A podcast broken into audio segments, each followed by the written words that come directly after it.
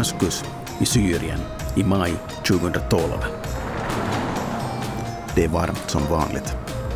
Och trots att den syriska våren med uppror i landet pågår är det livligt på gatorna i Damaskus.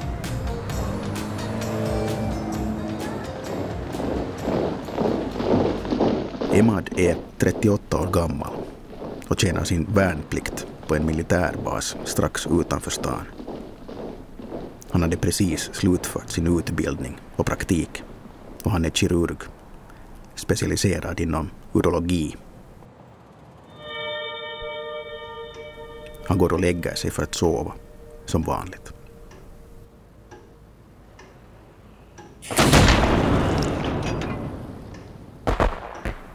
Och sen kom kriget till Damaskus.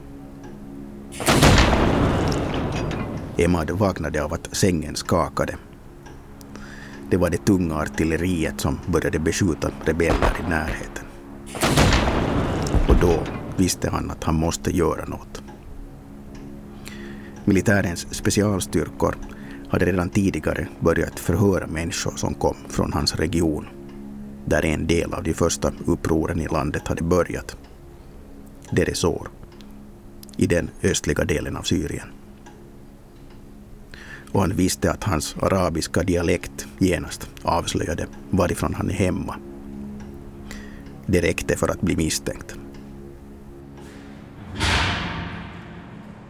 Militärbasens portar var stängda. Ingen kom längre ut utan speciallov. Så Emad vände sig i desperation till sin kommendör för att be om en tjänst Emad hade sett till att kommendören blivit frisk från sin magsjukdom tidigare. Och han var vänlig och mänsklig. Och därför vågade Emad fråga om kommendören kunde få ut honom från området.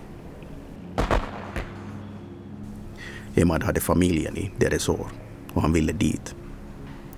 Han ville inte delta i kriget mot sina egna landsmän och han ville inte vara på den sida som sköt med kanonerna mot rebeller som kunde vara från hans hemby.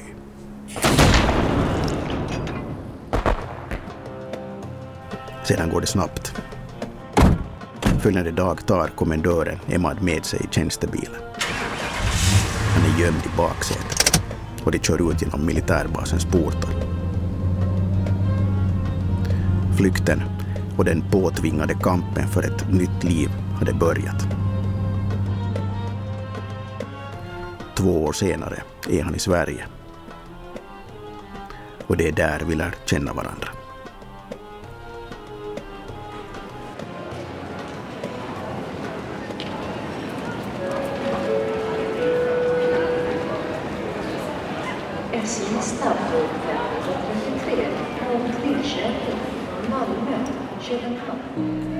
Du lyssnar på dokumentären Min syriske vän, gjord av mig, Bo Ahlgren.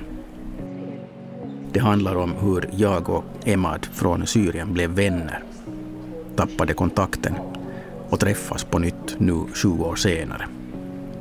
Flykten från kriget i Syrien och hur det blev med det nya livet i Sverige.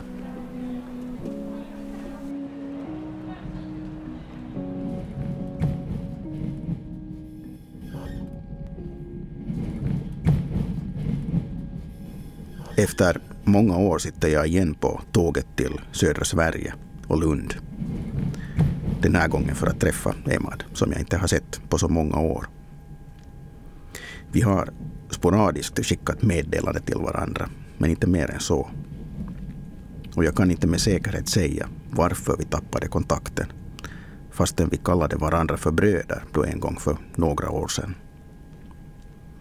Det är åtta år sedan i höst jag träffade honom hemma hos oss i Lund. I det stora köket i lägenheten ett litet stycke från centralstationen i Lund. Han gick på samma svenska kurs för invandrare som min dåvarande fru deltog i. Han kom fram till mig där jag satt i länsstolen och frågade om jag är journalist som gör dokumentärer. Ja, sa jag lite försiktigt. Han behövde berätta sin historia.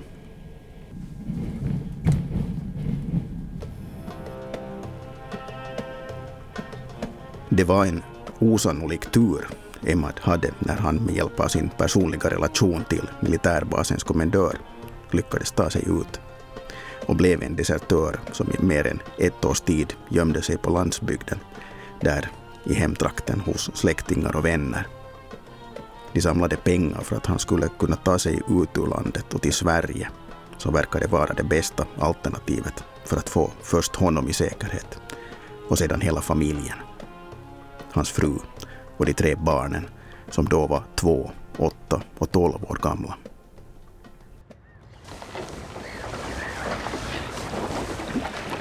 Det kostade 10 000 dollar. Han kom över gränsen till Turkiet. Smugglarna fick honom sedan över ytterligare en gräns till Grekland på andra försöket eftersom Frontex-vakterna första gången kom på dem och hårdfört tvingade dem att vända.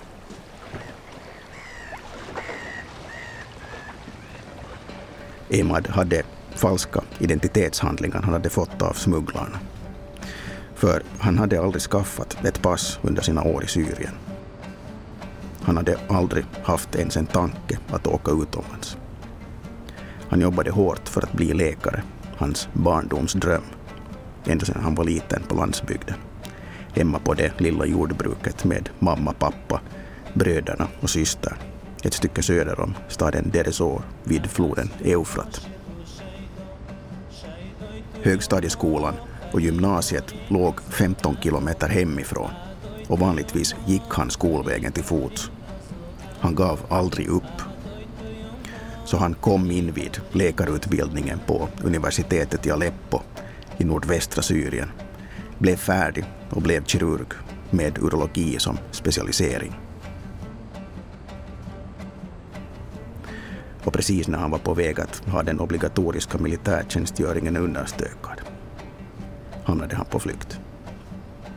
Och allting nollades.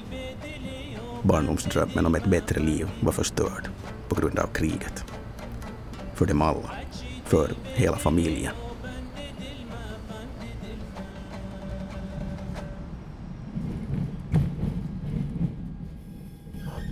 På andra försöket kom Emad ombord på flyget till Stockholm. Och när polisen som tog emot i Stockholm sa ”You are safe now” slappnade han av, åtminstone för stunden.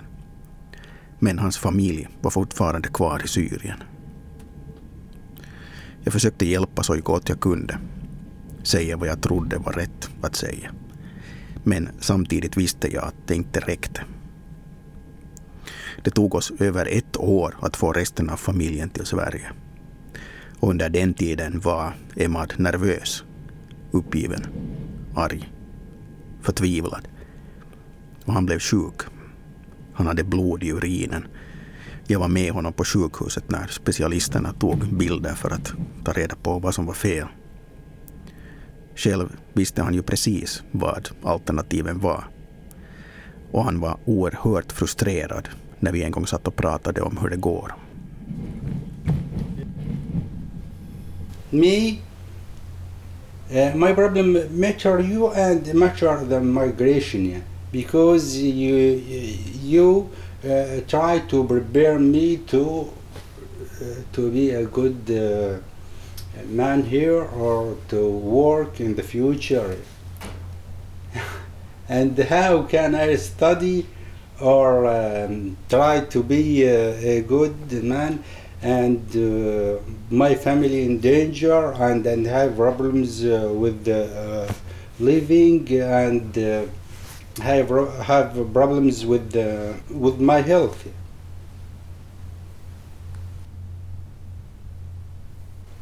I'm sorry to say that, but uh, I think um, I, I, I consider you more than friend. I consider you uh, like a brother. Yeah.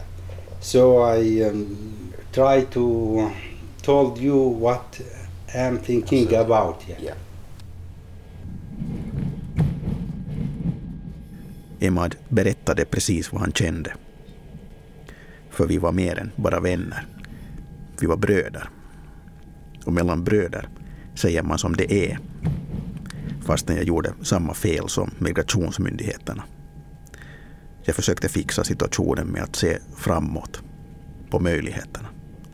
När Emads familj samtidigt var i fara i Syrien, omgiven av ett hopplöst krig. I ett skede tvingades barnen gå i Islamiska statens skola och Emad hade problem med hälsan. Vem orkar då jobba på att i framtiden vara en god medborgare i ett nytt land? Det tog många brev, samtal och kontakter till handläggarna på Migrationsverket innan familjen var godkänd för resa till Sverige via Turkiet. Och de hann till all tur på långt håll bli beskjutna vid gränsen som höll på att stängas helt.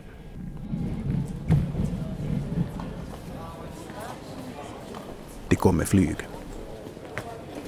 Och vi stod alla i ankomsthallen och väntade.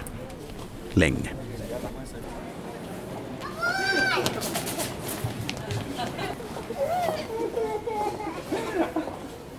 Återföreningen var tystlåten.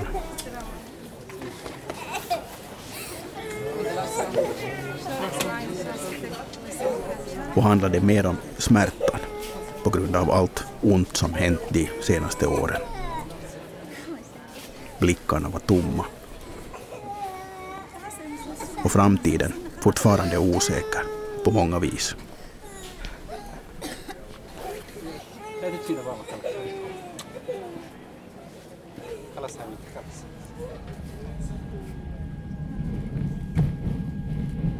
Mina damer och herrar, avstigning sker på höger sida i tågets färdriktning. Ladies and gentlemen, you will find the platform on the right hand side of the train.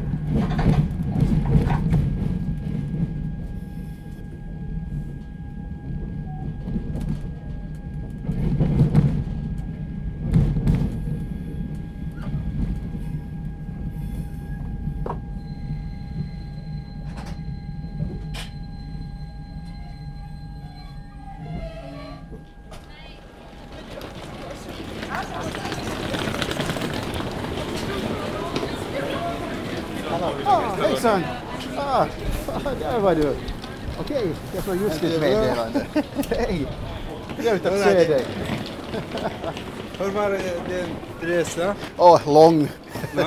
Lång. Hur är det med dig? bra. Det, gick det bra med... Uh, Det här är första gången som vi pratar svenska. ja, ja. Emad möter mig på tågstationen i Lund. Det är rätt sent, så han kör mig till hotellet. All right. Vi ska träffas följande dag för att prata mer och sen träffa resten av familjen. Det är det som hjälper oss att göra programmet Bli så här fantastiskt, förutom ni.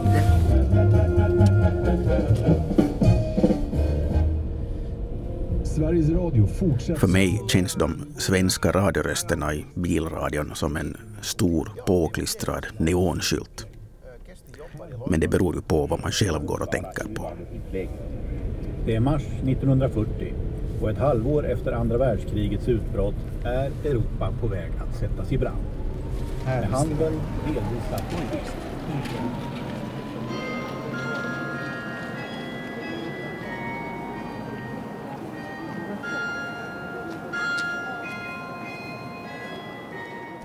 Södra Sverige och Lund med sin domkyrka, katedralen som är byggd på 1100-talet. Det är väl så svenskt det kan bli, med traditioner och samhälle och allt. Och det var här vi båda försökte leva som immigranter när vi träffades för åtta år sedan. Emad hade kämpat sig till Sverige från ett förödande krig och kämpade sedan för att få familjen i säkerhet. Jag kämpade för att få ett liv med hela familjen i ett annat land att gå ihop på många vis, inte minst ekonomiskt. Vi var båda immigranter. Jag sitter utanför katedralen och väntar på att Emma ska komma så vi kan prata om hur det har gått. Då För åtta år sedan hade jag hela tiden en känsla av att jag inte räckte till. Inget jag gjorde hjälpte Emad på riktigt. Förutom att vi träffades regelbundet. Vi var båda frustrerade. Jag tror alla eh, som jag har träffat tidigare, de försökte att hjälpa men eh, de kunde inte eftersom det, det är inte uh, någonting uh, som man kan hjälpa till eftersom det är uh, mitt ansvar att uh, lära mig svenska och uh, fråga de som var tidigare här i Sverige och hade samma väg för eh, uh, utvärdering av eh, uh, min uh, eh, undervisning och för att man kunna jobba igen som läkare. Ja, du vet, på den här tiden det var krig i Syrien och familjen var, di var dit.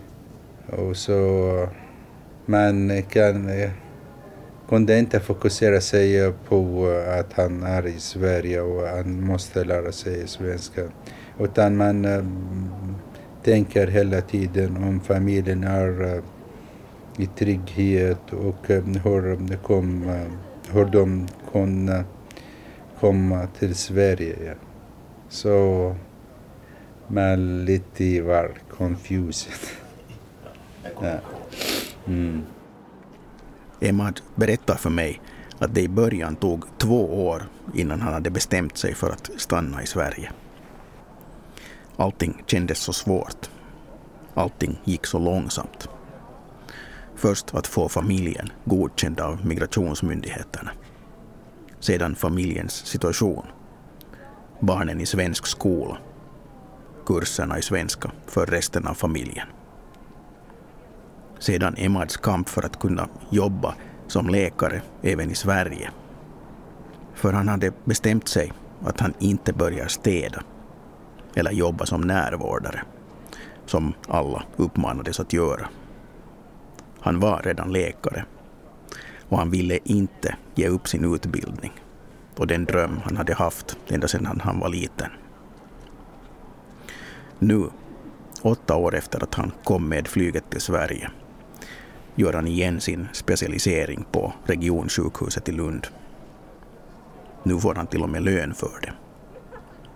När han för tre år sedan kämpade för att bli legitimerad läkare var han till exempel tvungen att göra sin sex månader långa praktik utan lön. Men han gjorde det för att kunna jobba med det han kan och vill. I början eh, det var jobbigt för mig eftersom eh, om du jobbar som specialist du ska få lön som specialist. Men om du jobbar som legitimerad läkare så du ska få nästan halv lönet. Så det mm, gör eh, mycket skillnad. Så under tiden om man jobbar till exempel två år som specialist bättre äh, än man jobbar fyra år äh, som legitimerad. Men äh, om man äh, räknar med att barnen äh, kunna lära sig och de trivs här så, så blir man nöjd i alla fall. Så du vet att man hoppas um, alltid för uh, bättre. Och uh, om min fru uh, jobbar, det är bättre för mig. Om jag blir specialist också, det är bättre för mig. Så hela tiden man drömmar och drömmar att uh, utveckla sig och uh, kunna hitta bättre situation. Drömmen lever fortfarande. Yeah. Yeah.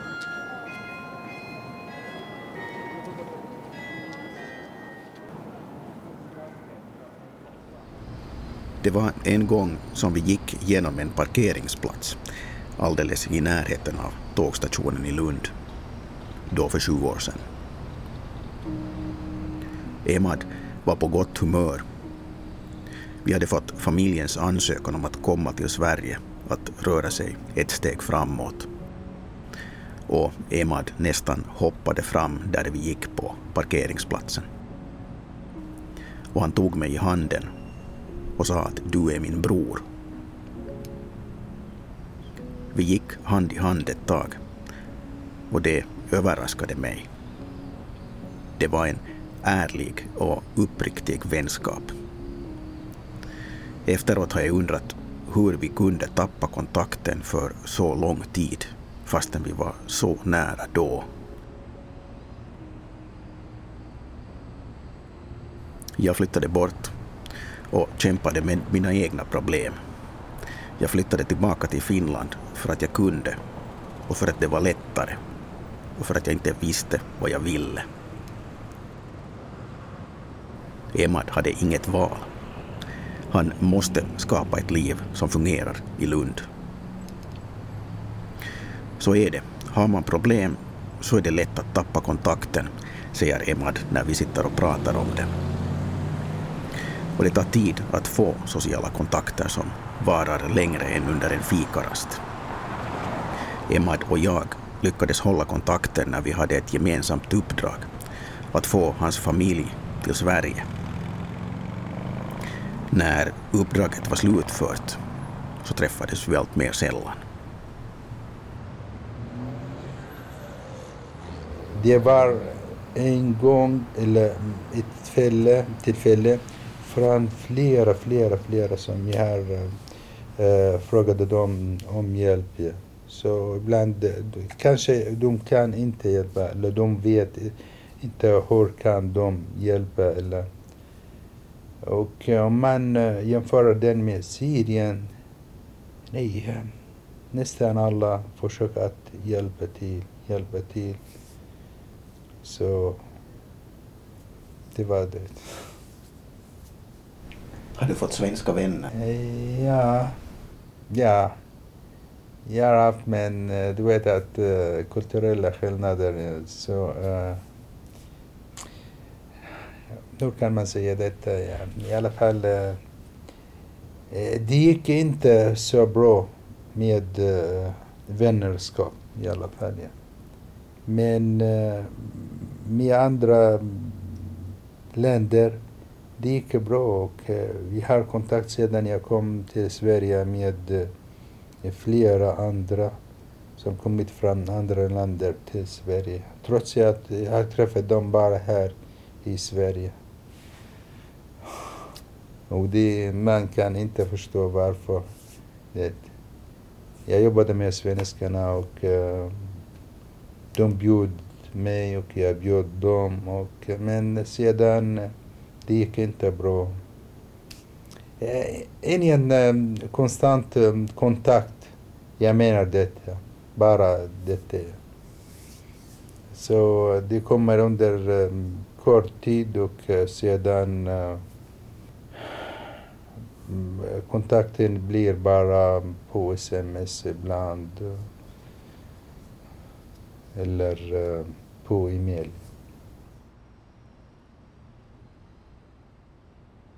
Hittills har vi inte pratat mycket alls om kriget i Ukraina och de miljontals nya flyktingarna i Europa.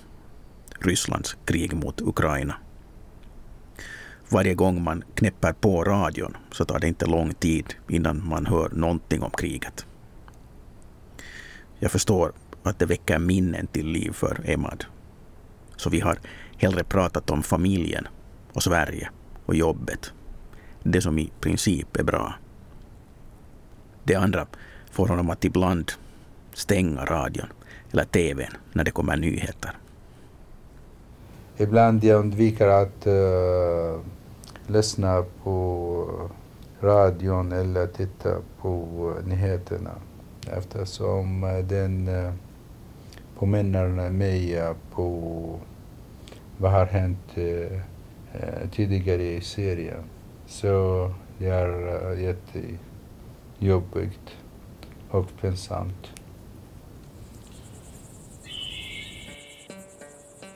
Emads föräldrar är kvar i Syrien, i Deresor. Där är också bröderna. Men livet i Syrien är fortfarande inte vad det borde vara.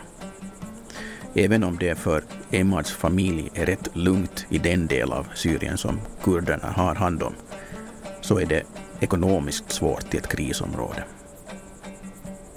Och han hade aldrig tänkt sig att han inte skulle få se sina föräldrar på åtta år. Hittills är uppskattningen att det är mellan 500 och 600 000 människor som mist sina liv i kriget i Syrien. Emad säger att det är Assads regim med stöd av Ryssland och Putin som gjort det.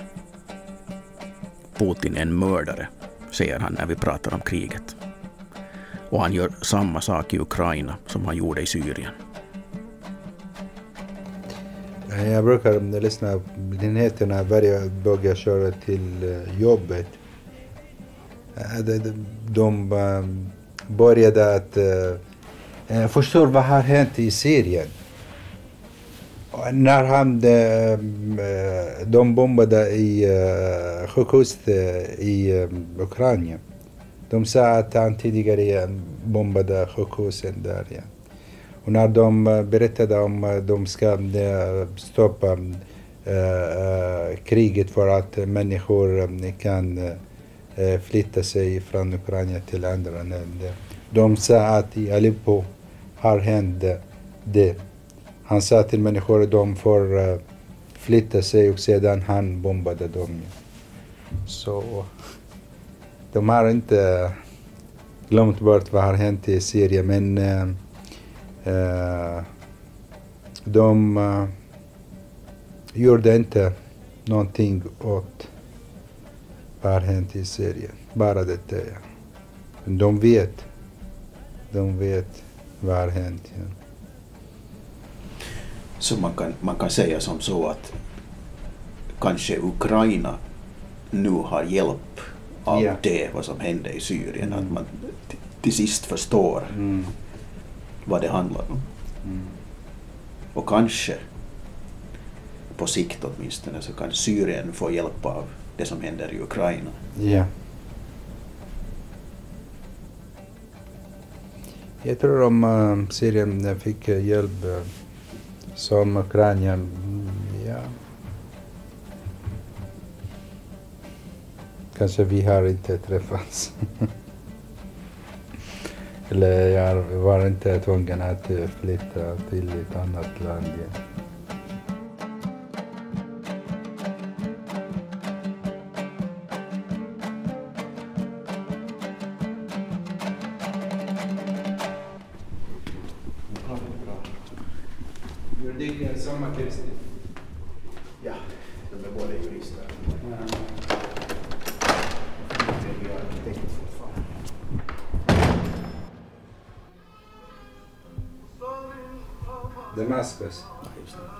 Ser på tv-bilder från Damaskus hemma hos Emad med hans familj, fru och tre barn som nu är 12, 18 och 22 år gamla.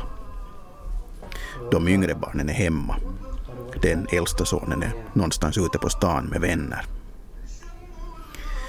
Det är så tydligt att Emad saknar Damaskus, stämningen där och allt.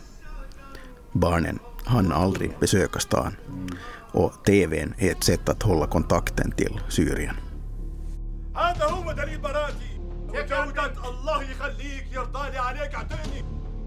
Det är Ramadan, första dagen, och vi sitter i sofforna framför TVn för att titta på de arabiska TV-serier som visas i maratonsändningar under fastemånaden. Den här TV-serien berättar om det syriska motståndet mot Frankrike som härskade i området i början av 1900-talet. Emads 18-årige son säger att TV-serien kanske visar det syriska motståndet som lite väl positivt och framgångsrikt eftersom Frankrike ju vann. Men vi kommer överens om att syrierna i varje fall psykologiskt behöll sin självständighet. Den yngre sonen har framtidsplanerna klara för sig. Och studierna går bra fastän han var tvungen att ge upp fotbollen. Jag har spelat fotboll eh, innan men jag lämnade förra året när jag började ettan. Jag pluggar natur just nu, jag läser natur. Det var ganska svårt för mig faktiskt. Så jag hade fyra träningar per vecka och matcher på helgen. Så jag hade inte tid så mycket till att plugga. Och fysiken och matte de var ganska svåra faktiskt. Så det krävde mycket tid för det. Så jag valde istället att gå och gymma istället. Jag kan gå när jag vill, vilken tid jag vill och hur många gånger i veckan. Så jag gymmar och springer ofta. Han ska bli tandläkare, har han bestämt sig. Och han koncentrerar sig på att förbättra sin engelska. För det är bra att kunna, förutom spanska som han också läser i gymnasiet. Prick klockan tio i åtta på kvällen är vi sedan vid matbordet och äter. För då gick solen ner. Och alla som sitter vid bordet är nog en aning trötta av dagens fastande. Och vi är snabbt tillbaka i TV-soffan. حاول بكل طريقة يبدي بالآية البيضاء بس أكون رحيم بشكل وقتها ما راح Gillar du om te? Gillar du te eller? Ja, jag dricker te också. Te? Du testar? Ja, här. testar gärna. Utan socker va? Jag, tar, jag dricker det så som vi rekommenderade. Visst med socker. Vi tar det med lite socker. Jag brukar Min pappa använda... brukar man lämna. Det är jag som är ansvarig för te här. Ja, jag ser det. Jag är bäst med det. Just det.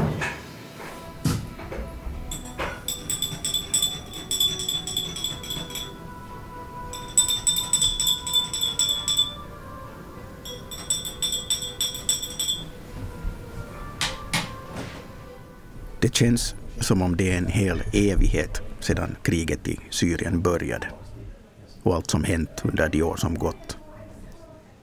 Men Syrien är inte så långt borta. Syrien är i tankarna hela tiden. Som Emad sa det åt mig när vi satt i bilen på väg hem till honom. Han sa, vi valde inte att flytta från Syrien. Så därför saknar vi Syrien hela tiden. Vi var tvungna att flytta.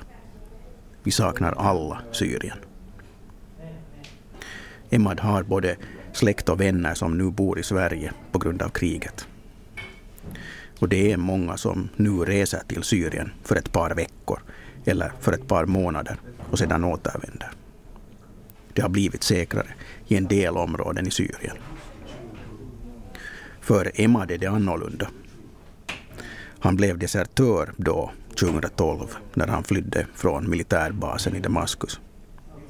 Och han är fortfarande rädd för att den syriska säkerhetstjänsten ska intressera sig för honom och även för hans familj. Han heter inte Emad på riktigt. Det är för säkerhets skull vi använder ett annat namn. Och när jag sitter i soffan hemma hos honom med familjen så förstår jag vad det handlar om. Inte om mig, inte om dig, inte enbart om Emad. Det handlar om familjen och först och främst om barnen och ansvaret för dem. Man måste, måste kämpa hela tiden. Ja. Om jag har börjat från äh, mitt vägen, kanske mina barn kan börja från, börja från början. Så det är lättare för dem. Ja. Så därför eh, man eh, kämpar hela tiden och uh, försöker att uh, berätta hela tiden till barnen att uh, de har uh, bra möjligheter att stanna i Sverige. De är uh, svensk i alla fall. Ja. De kunde få uh, svensk medborgarskap så de här svenskarna. Tänker som svenskarna och pratar som svenskarna. För mig också som far, du vet att man blir orolig hela tiden om barnen. Hur kan de klara sig på skolan och eh, om de, de är trygga eller inte. Så det är bra för mig också. Så man, eh, man släpper eh, negativa tankar om framtiden för barnen här. Emad och jag talade ofta då för många år sedan om landsbygden där han växte upp. Hur sädesfälten böljade kring deras lilla gård. Det vi hade gemensamt eftersom vi båda vuxit upp på landet, omgivna av åkrar.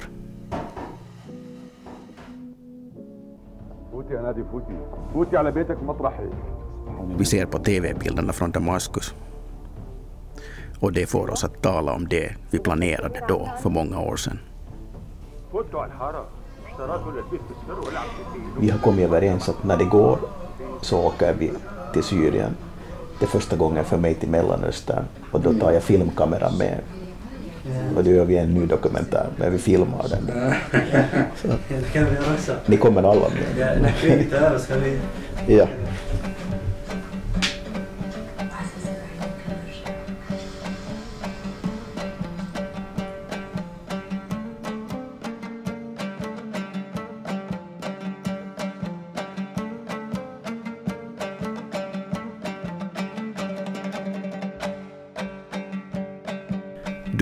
Lyssnat på dokumentären Min syriske vän som handlar om Emad som jag blev vän med år 2014 när han hade flytt undan kriget i Syrien till Sverige.